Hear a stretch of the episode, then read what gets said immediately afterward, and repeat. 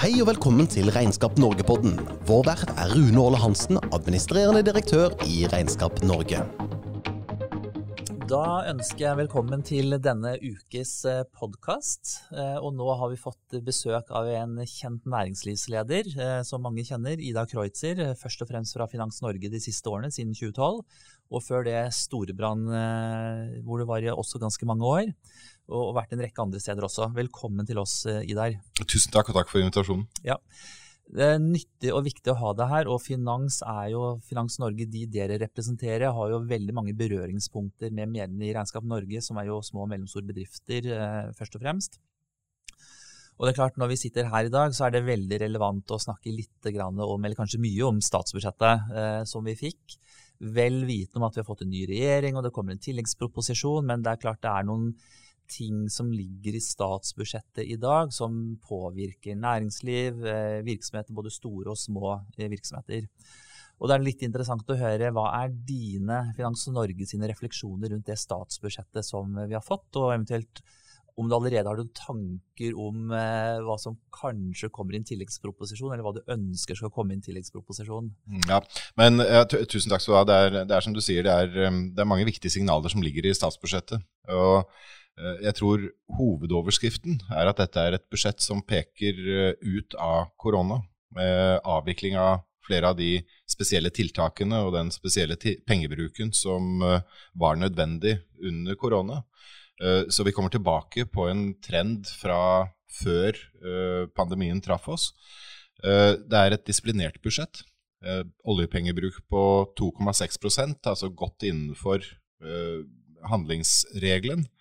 Eh, jeg syns også det er et budsjett som er eh, som er beundringsverdig fritt for snubletråder for eh, den nye regjeringen. Altså, det, er, du har ikke sett dem ennå, i hvert fall? Nei, nei, det kan hende den nye regjeringen har observert noe der, sånn, men, men, men, men, det er jo et, et budsjett som, som, peker fremover, som strammer inn, eh, men som samtidig har noen veldig tydelige profiler. Og en av de profilene som vi har merket oss, og som vi setter pris på, eh, det er det jeg vil kalle kunnskap, innovasjon, entreprenørskap, nyskapingsprofilen. Eh, du ser det i skattepolitikken, kanskje eh, særlig med endringen i opsjonsbeskatningen.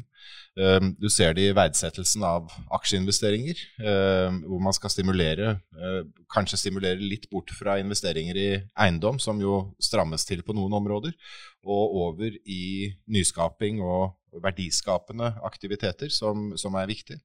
Så ser vi at man har funnet plass til fullfinansiering av Livsvitenskapsbygget i eh, Oslo, som er den største universitetssatsingen i moderne tid. Man har funnet plass til eh, Ocean Space Center i Trondheim, som forsterker og videreutvikler det kunnskapsfortrinnet Norge har på, på, dette området.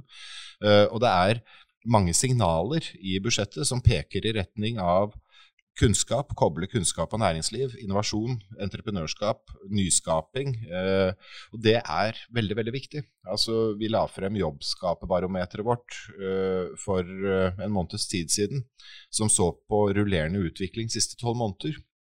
Og da så vi at vi hadde skapt 25 000 nye arbeidsplasser i Norge siste året, og det er jo bra. Den eneste haken det var at det var 30 000 nye arbeidsplasser i offentlig sektor, og så var det minus 5000 arbeidsplasser i privat sektor. Så den store oppgaven som dette budsjettet nå har, uh, det er jo todelt. Det ene er å akselerere det grønne skiftet på en fornuftig måte for det norske samfunnet. Og det andre er å bidra til å skape nye jobber, nye verdiskapende bærekraftige jobber i privat sektor. Uh, og det er nok det dette budsjettet også blir målt opp mot. Evnen til å være med og skyte fart i riktig retning.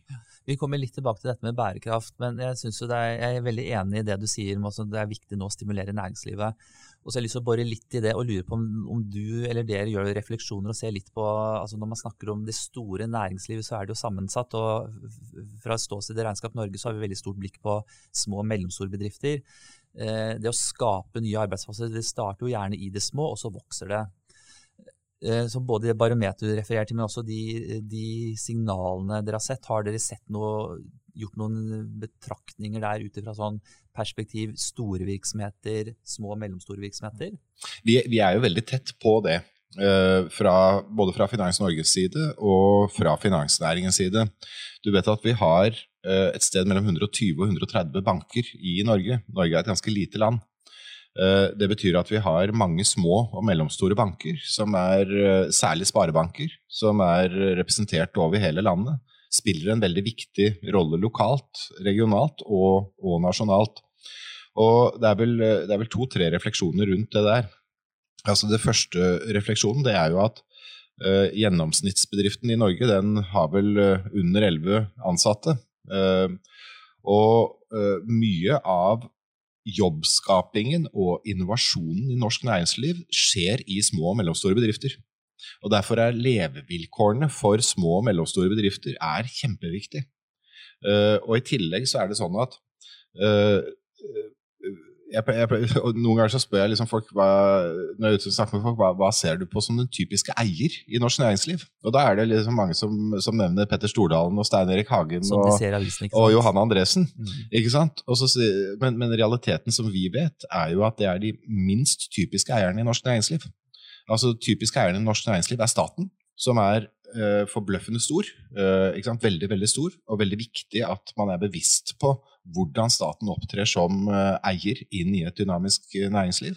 Og det andre er eiere av små og mellomstore bedrifter. Det er tusenvis på tusenvis av eiere som har bygget opp virksomheter basert på nærhet til kunden, dyp kompetanse innenfor de områdene de arbeider. De tar risiko. De finansierer seg ofte i en tidlig fase gjennom pant i bolig og uh, hjelp fra, fra, venner og, og sånn.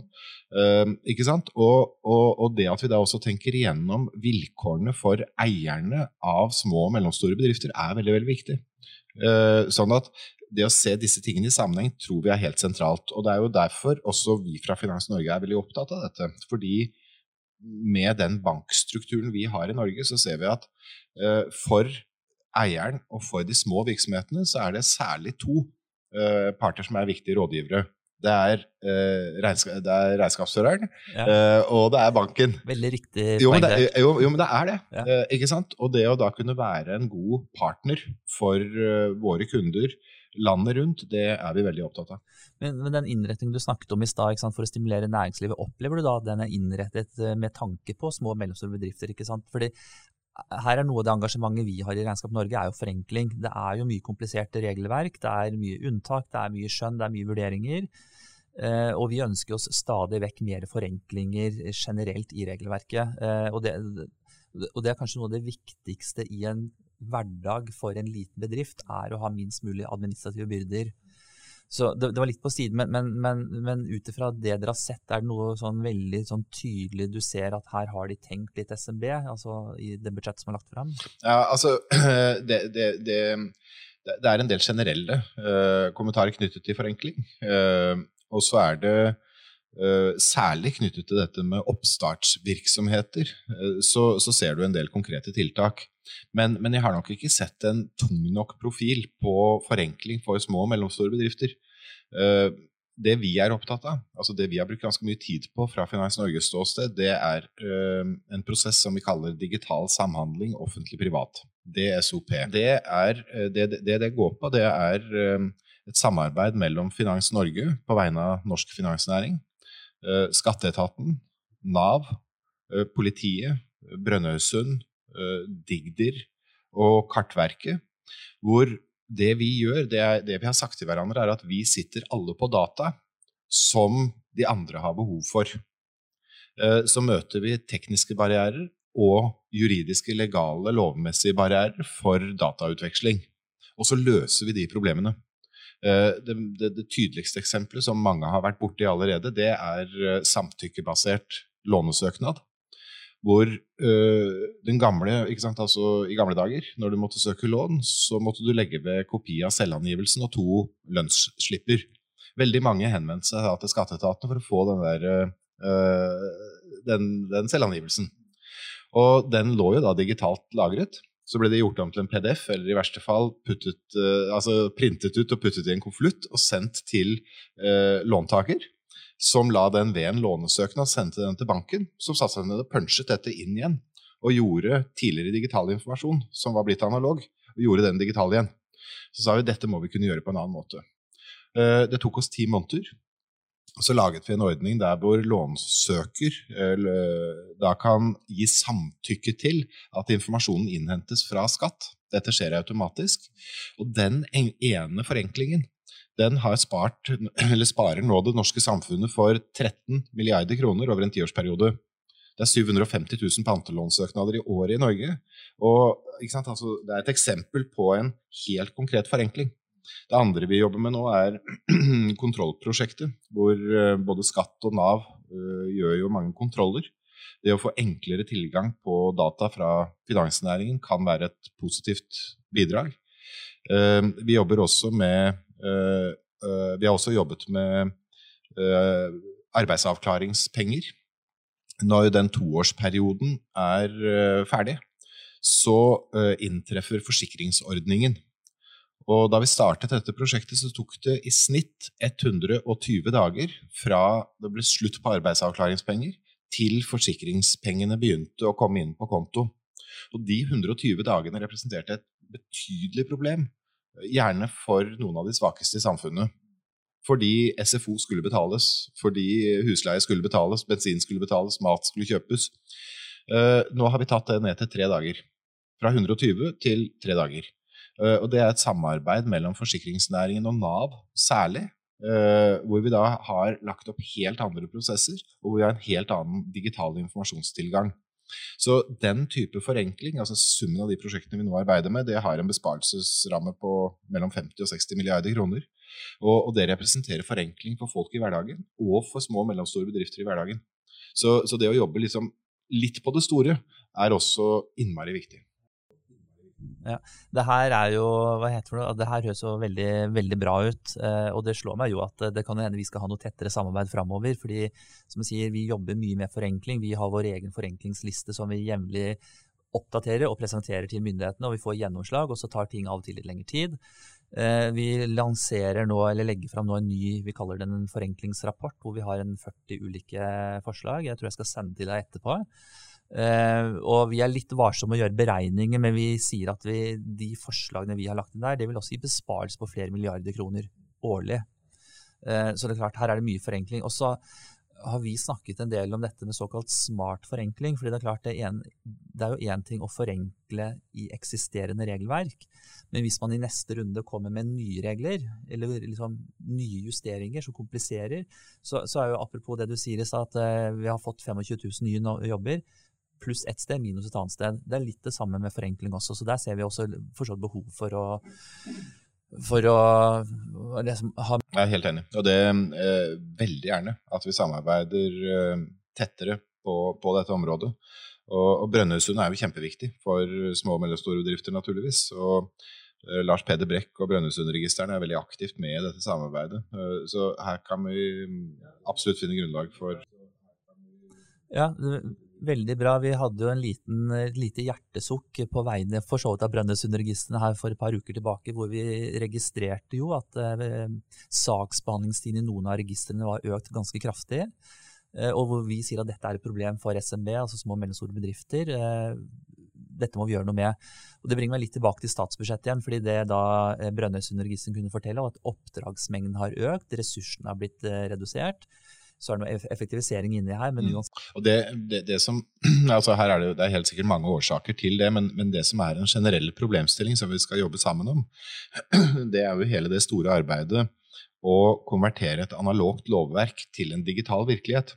Fordi vi trodde, jeg trodde, da vi startet dette arbeidet, at det var mye tekniske utfordringer for å få til de forenklingene som vi ønsket. Men, men det viser seg jo at veldig mange av problemstillingene er juridiske, og den tekniske delen av det er ganske enkel når du har jussen på plass. Men, men, vi har jo satt oss opp naturligvis med et analogt lovverk tilpasset den virkeligheten vi hadde for noen tiår siden. Uh, og så lever vi nå i en digital uh, virkelighet, og Norge er antagelig en av verdens to, tre, fire mest digitale økonomier.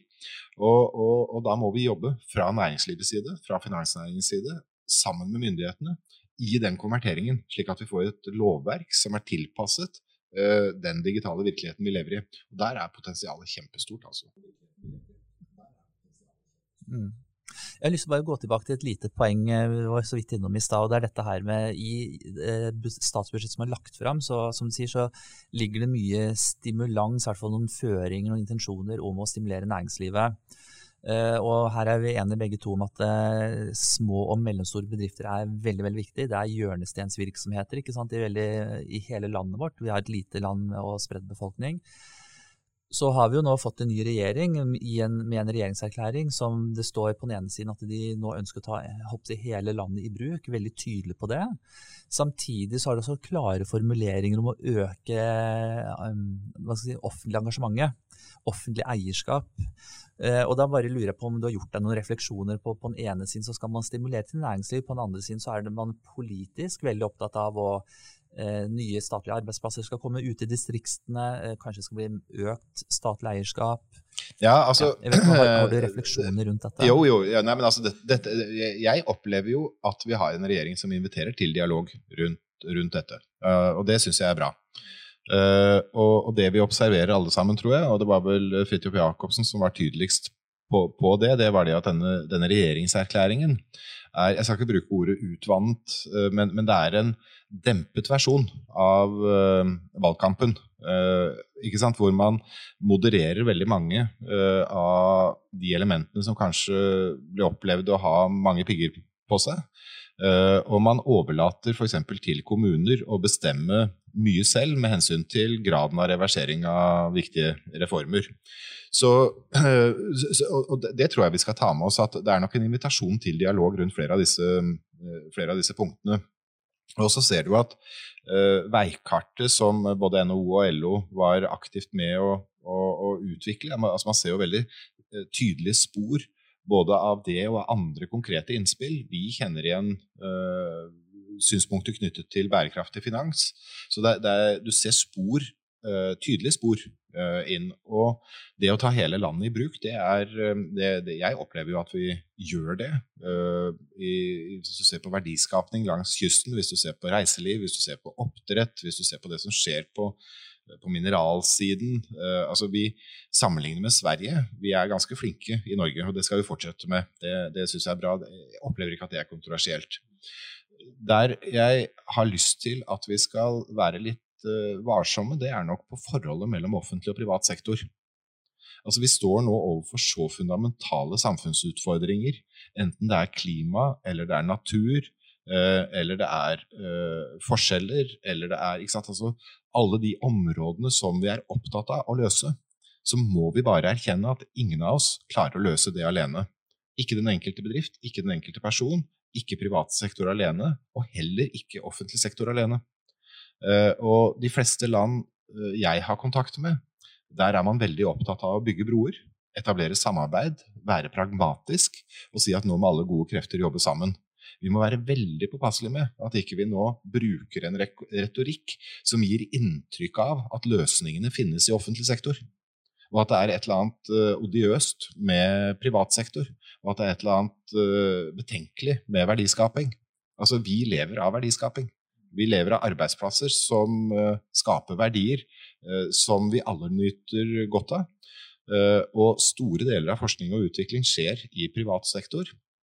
Og det finnes, det, finnes, intelligent liv utenfor statsbyråkratiet.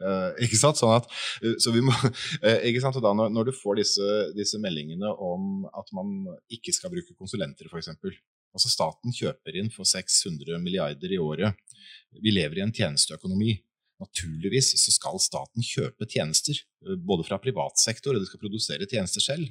Og så kan man hele tiden se på arronderingen. Er det, er, er det, riktig på hvert enkelt område? Og det skal vi rive og slite i, og der skal vi utfordre hverandre. Men som prinsipp i en tjeneste, altså en av verdens mest avanserte tjenesteøkonomier, si at staten skal slutte å kjøpe tjenester fra privat sektor, det er veldig rart. Uh, ikke sant? Og det håper jeg at, uh, at, vi, at, vi, klarer å snu rundt til å være mer pragmatiske, mindre ideologiske og, og være mer løsningsorienterte. Mhm. Jeg, jeg, tror jeg deler mye av det, det du gir uttrykk for der, sånn, så blir det spennende å se fremover. Og, men, men, jeg vil jo tro at uh, det engasjementet som er å, å, stimulere til vekst i hele landet, så er man nødt til å ta, ta i bruk de private kreftene. Du har nevnt flere ganger dette med bærekraft, eh, og det er jo kommet veldig på dagsordenen, ikke minst i valgkampen som var. Eh, vi, Regnskap Norge, har jo nettopp lansert en egen standard for bærekraftsrapportering for små og mellomstore bedrifter. Det vi har sett, eh, eller her er det mange ulike ting å ta tak i, men det er noe med Tidligere så har man vel hatt mange fine ord og flotte formuleringer uten at det har vært så veldig konkret, og uten at det faktisk har bidratt til reell hva skal jeg si, bærekraftsforbedring, klare målsettinger osv.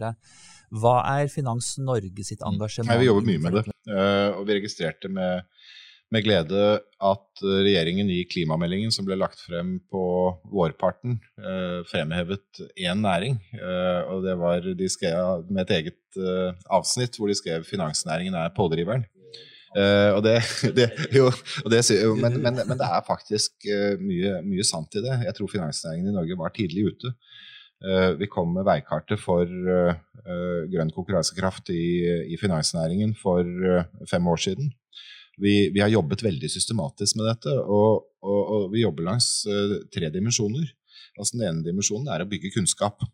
Og For oss er jo klimarisiko er jo en realitet.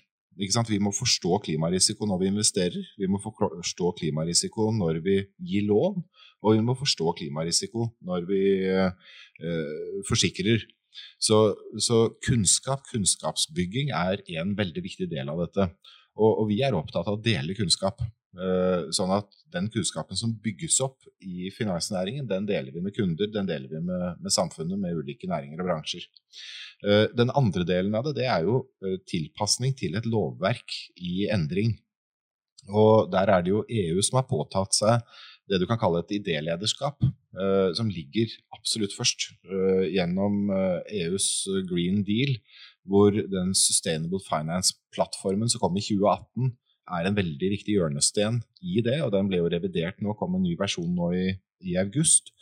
Uh, og det går jo fra fine ord til hard law.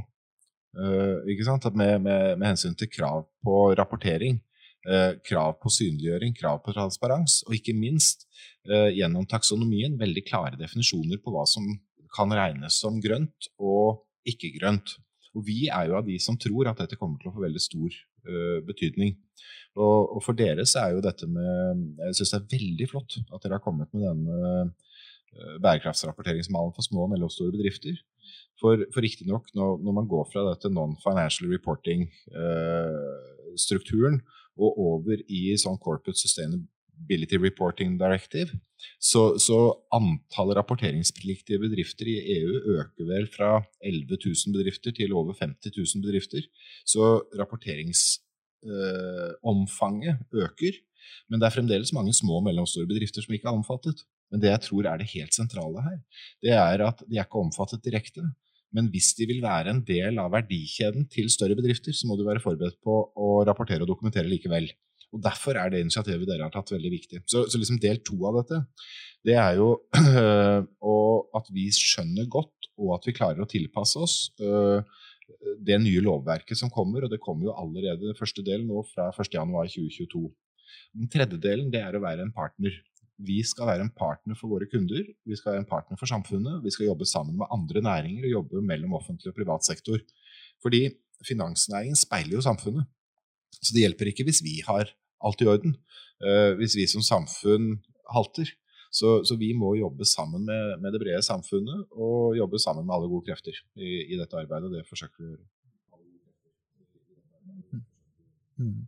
Her, her, er det mye spennende, og som sagt engasjementet vårt, bare for å si litt om, litt om det, det er, det er, jo, Den standarden vi har laget, er jo en nordisk standard. Det er litt eh, tenkningen at det, eh, her er det felles praksis, og det er lurt å lage noe som er anvendbart i flere land. og Jeg drister meg til å si at vi har en ambisjon om kanskje å bidra aktivt inn i EU sitt arbeid på dette området. Eh, og nettopp det at eh, altså SMB-er er for øyeblikket ikke lovpålagt å måtte rapportere slik, men vi tror vi er overbevist om at det kommer på et eller annet snarlig tidspunkt. Det ene er at det kommer lovveien, men jeg tror kanskje det kommer til å komme før eh, gjennom markedet. At det blir markedskrav. Skal du få lov til å levere et anbud sant, i en virksomhet, eller altså, levere et anbud, så må du kunne kvittere ut og dokumentere en bærekraftstandard. Så, så, det, så det, er noe av det. Men, men, i forlengelsen av dette her, og litt det du sier, dere ønsker å være partner, og så er det eh, liksom klimarisiko, og det er også å stimulere muligheter.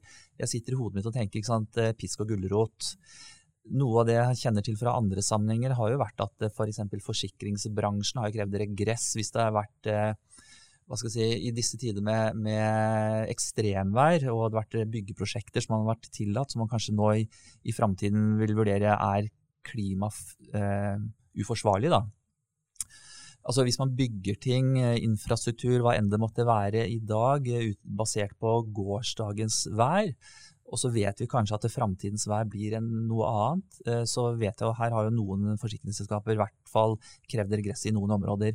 Det blir litt den pisken på den ene siden.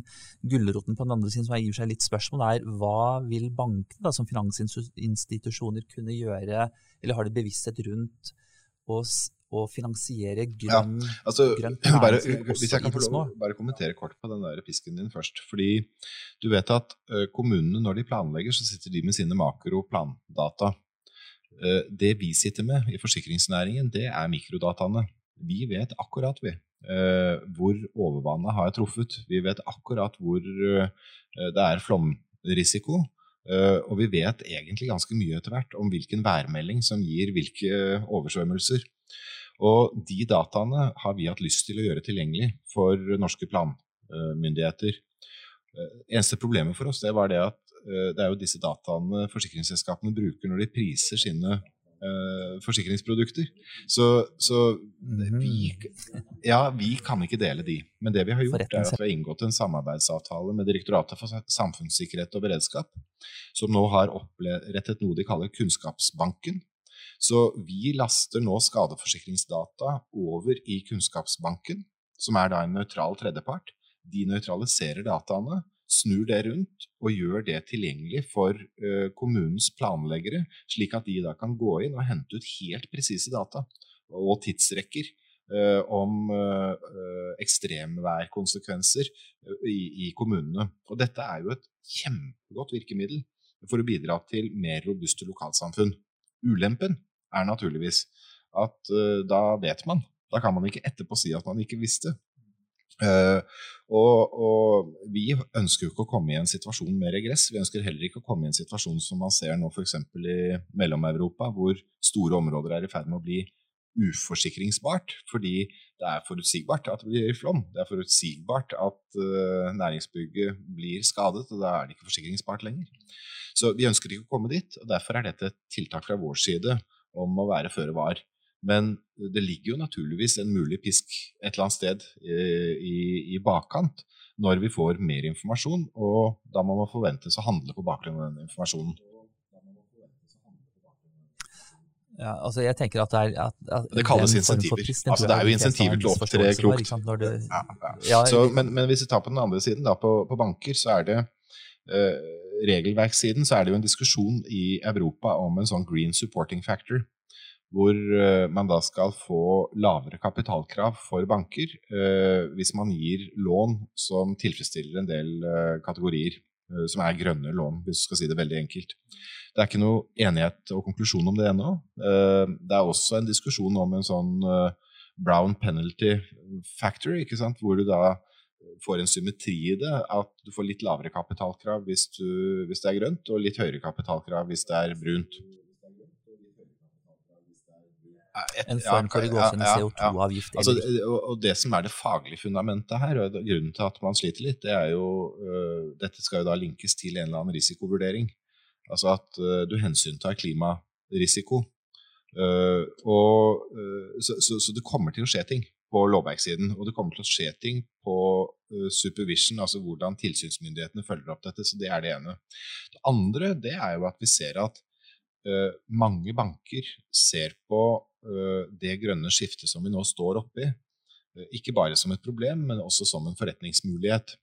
Fordi de som nå utvikler teknologier, produkter, tjenester, forretningsmodeller som er en del av løsningen, vil jo forventningsvis ikke bare finne et marked lokalt eller nasjonalt, men også finne markeder internasjonalt. Slik at uh, det kan være attraktivt å, å, være med på. Og da må banken bygge kompetanse. Uh, og det er det uh, stort sett de fleste banker i Norge arbeider med det nå, og ønsker å være en partner på det. Og en del banker har satt mål på hvor stor andel av utlånene deres som skal være grønne. Så dette kommer til å påvirke både tilgangen på kapital og pris på kapital fremover. Kan vi tro at en utvikling f.eks. igjen da, knytta til små og mellomstore bedrifter, når de har behov for eh, lån, startkapital, hva enn det måtte være, hvis de da har med seg en eh, bærekraftsrapportering, så kan du gå til banken og kanskje få en litt mer fordelaktig lån? Ja, det er en mulig eh, utvikling. Det, det er en mulig utvikling. Altså, Dokumentasjonskravet kommer til å være der. Altså, og, og det å da ha noe som er sammenlignbart på tvers og konsistent over tid, som er det dere kan bidra med, det er jo akkurat det en kredittkomité ønsker å forholde seg til. Mm. Mm. Jeg skal liksom bare gå litt tilbake til statsbudsjettet igjen, eh, og ikke for så vidt, eller det som ligger der, men, men eh, igjen i lys av eh, den nye Hurdal-plattformen, regjeringserklæringen. Har du noen tanker om vars, varslinger der om uh, skatter og avgifter? Det er jo, igjen, jeg er, litt, jeg er enig med deg at uh, man har dempet ned noe av retorikken. og, og liksom, Jeg tror nok ikke det er sånn stor fare i, umiddelbart for at det, nå blir det massiv skatteøkninger eller endringer. Men, men, det ligger jo noen signaler der ikke sant, om å gjøre justeringer grønn, eh, si, grønnvasking av skatte og avgifter ligger jo sett på som du tenker dette her er bra, dette her er uheldig ut ifra et sånn stimuleringsperspektiv for næringslivet? Det er To-tre to, perspektiver rundt det. Det ene er jo på personskatten. Så er det jo sagt at det skal være skattelettelse for de med hva er det, inntekt under 750 ja. og tilstramning for de over. Mm. Eh, det er det vel da grunn til å forvente seg. Eh, det er, det er vel også grunn til å forvente noe på på formuesskatten. Eh, selv om eh, jeg ser regjeringen, når de snakker om arbeidende kapital, så omtaler de vel det traktorer og skurtreskere. Eh, bare for å minne om at det er, det er, det er mange næringer som har mye knyttet opp, knyttet opp i, i, arbeidende kapital, så blir det spennende å se akkurat det. Det vi håper intenst, er at ikke de reverserer det som nå skjer med opsjonsbeskatningen. Altså Opsjonsbeskatt høres liksom så det høres så, I norsk sammenheng så høres det litt skummelt ut.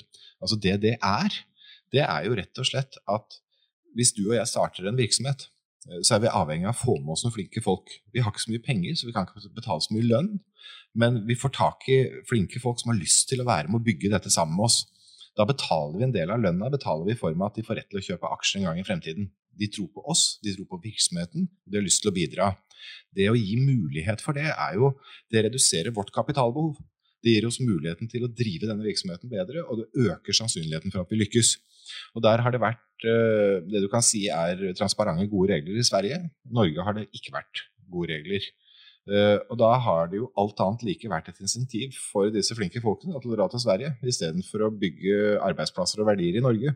Og den ulempen den nøytraliseres gjennom det forslaget som nå ligger på bordet. Håper veldig at uh, den nye regjeringen ser verdien av det, og ikke surrer til, uh, surrer til det. Ja, for sånn eh, litt enkelt sagt, eller kan man si at det er på mange måter en demokratisering av eierskapet ja. ved at du får inn igjen ute i distriktene, så er det flere som kan komme inn på eiersiden av virksomheter. Det er jo akkurat det. Ja. ikke sant? Altså fordi, og dette er jo veldig ofte så er det unge mennesker ikke sant? som da kommer ut fra skolen, som er fulle av virketrang, har lyst til å være med å bygge virksomhet, bygge landet, skape verdier, skape arbeidsplasser, og, og som kanskje ikke har så så store økonomiske forpliktelser, så de kan klare seg med en, en, en relativt moderat fastlønn.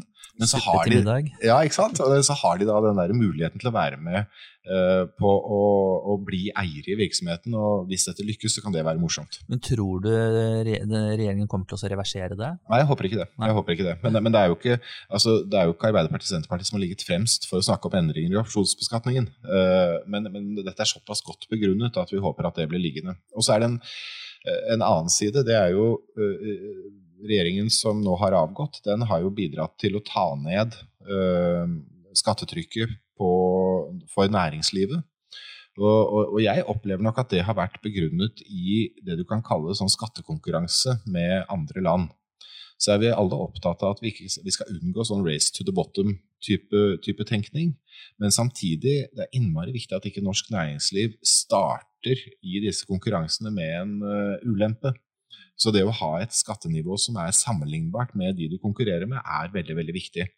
Uh, og det å ha med seg den holdningen også fremover, det håper vi.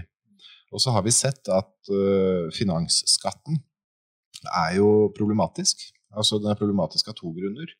Uh, den ene grunnen er at det er et veldig høyt proveny. Skatteforliket for noen år siden sa 3,5 milliard. Nå er det 5,7 milliarder som ligger i dette budsjettet, så det er, det er et høyt proveny. Og, og det, altså det å ha en sånn næringsspesifikk straffeskatt, liksom, det, det, er ikke så bra. Rett og slett, av mange gode grunner. Og det andre er at en del av den eh, skattleggingen den tas inn gjennom uh, en uh, forhøyet arbeidsgiveravgift, som gjør, påvirker tilgangen og prisen på å ansette flinke folk. Og det er jo masse i distriktene. Den siste delen har denne regjeringen sagt at den skal gjøre noe med. Så den, den, har vel sagt at det skal være provenynøytralt, men at det skal fjerne arbeidsgiveravgiftsdelen av finansskatten, og det er vi glad for. Men, men, men det forutsetter at man da ikke øh, etablerer en ordning med, med negative vridningseffekter. Så, så, vi håper og tror at vi kan øh, være i en tett dialog med departementet i forbindelse med den endringen, slik at ikke man løser ett problem, men skaper en haug med andre. Mm altså generelt når det gjelder skatter og avgifter for Regnskap Norges del, vi er jo, det vi er først og fremst er opptatt av, er at reglene skal være så lette som mulig, så enkle å forstå. egentlig Strengt tatt færrest mulig unntak og, og av, avvik. Eh, og apropos arbeidsgiveravgiften, så blir det jo interessant å se der. Den er jo etter hvert blitt veldig Jeg skal ikke si pulverisert, da, men det er veldig sånn splitta opp. Så, så, hvordan eh, den utvikler seg framover, det er noe som vi kommer til å ha, ha blikket på. Vi skal gå inn litt for landet, men jeg tenker nå har vi hatt veldig fokus på, på naturlig nok på næringsliv, og for seg litt sånn offentlig sektor, men i næringslivssammenheng. Vi kan jo prate litt om vanlige folk også. Har dere, liksom, har dere noen synspunkter? Eller, dere kjenner jo litt til hva folk flest tror hva hverdagen blir nå post korona?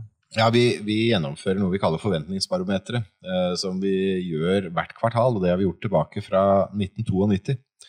Eh, så siste målingen nå, eh, som var per eh, tredje kvartal, så, så viste jo den uh, større tro på uh, utviklingen i landets økonomi enn noen gang før. Uh, historisk høyt nivå på, på, målingen. Og man har også god tro på egen økonomi, og det tror jeg nok reflekterer det at det er et stramt arbeidsmarked. Folk flest har god lønn, og man har klart seg bra gjennom, gjennom korona sånn rent, rent finansielt.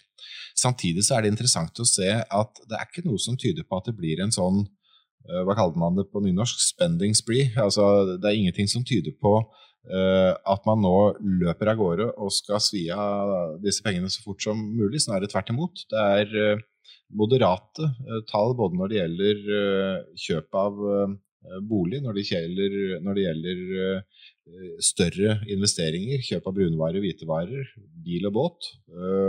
Også for så vidt moderat på reise, men det er veldig høyt nivå på sparing.